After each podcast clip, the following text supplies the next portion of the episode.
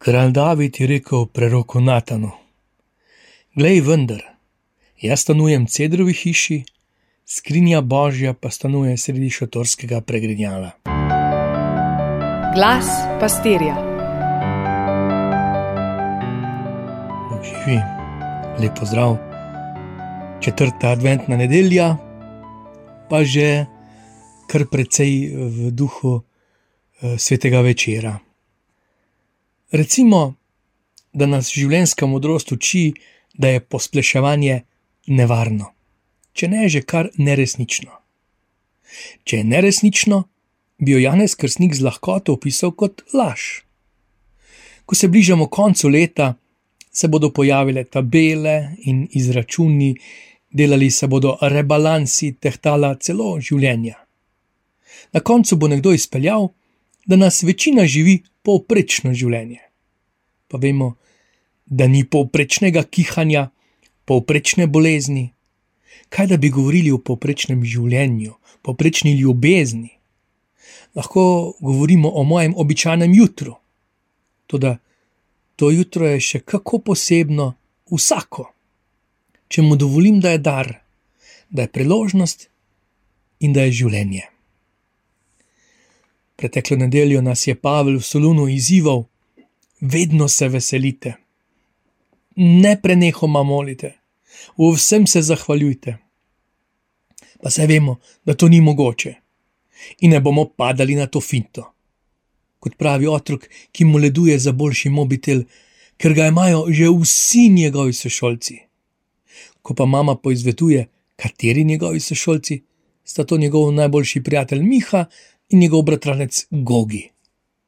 Tu se je končala vrsta vseh. Toda, ko nas Pavel nagovarja s temi nedosežniki, nam dejansko slika kaže pot, že tukaj, v tem našem izbranem koledarskem ali živem adventu, stopamo na pot večnosti. A to večnost? Ne. Je pa del nje. Tudi ta krhek advent je pot do veličastnega božiča. Veličastnega?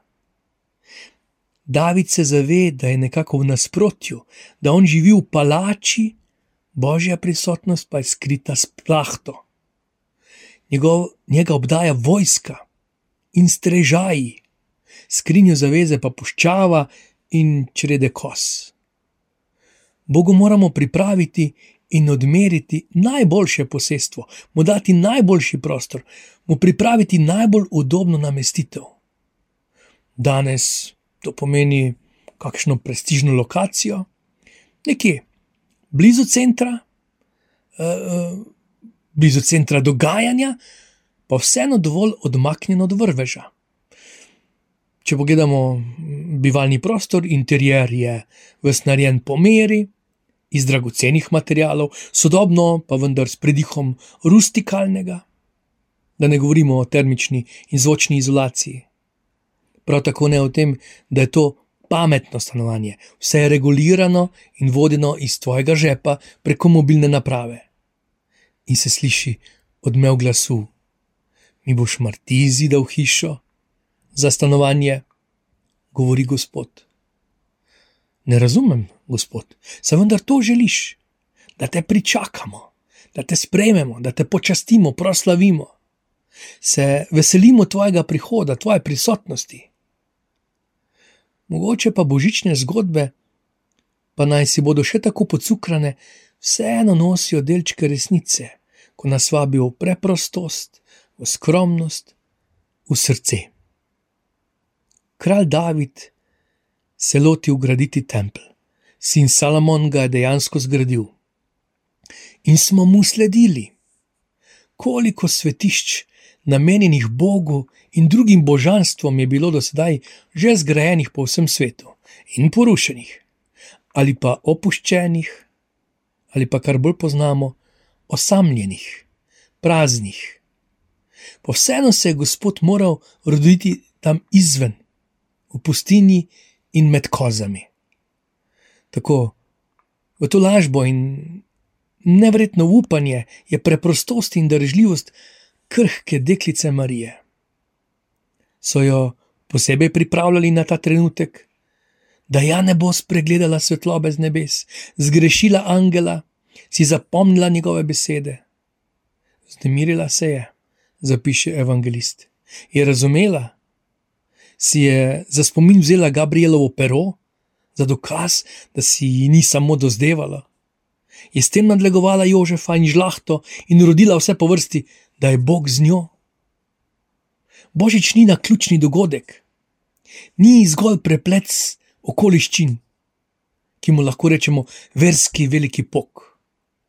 Že hrpenenja ljudstev in prerogbe so govorile o prihajajočem, in Marija je poznala te obljube. Verovala besedi. Janes Krsnik sicer pravi: Pripravite pot Gospodu. Marija pa je vzor poslušanja, zaupanja in poguma.